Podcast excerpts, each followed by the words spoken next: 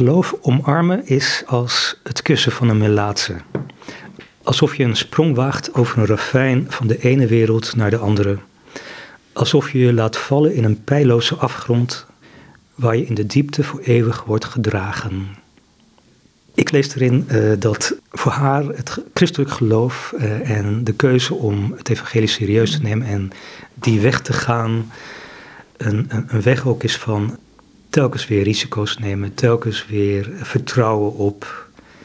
Want het, evangelie is, uh, vraagt veel, het vraagt heel veel vertrouwen loslaten. Um, vertrouwen op God, maar ook vertrouwen op, op de woorden van Jezus, wanneer hij zegt: Wees niet bezorgd om de dag van morgen, de, de dag van morgen zorgt voor zichzelf. Heb je vijanden lief.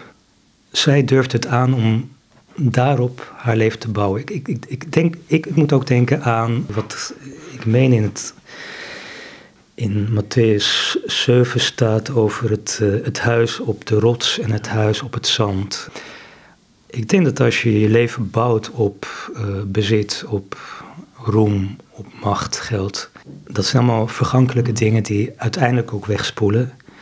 Zij durft het aan om haar leven te bouwen op die rots, wat tot levenskeuzes leidt die in de ogen van de wereld soms een beetje onverstandig of waanzinnig of heel erg gedurfd zijn. Maar zij, heeft haar leven daarop gebouwd. Uh, zo, zo, lees ik deze tekst ook. Het, een sprongwagen over een ravijn.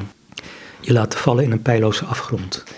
Ik moet ook denken aan Petrus, die uh, uh, op het meer in een storm, die Jezus ziet lopen en Jezus roept hem.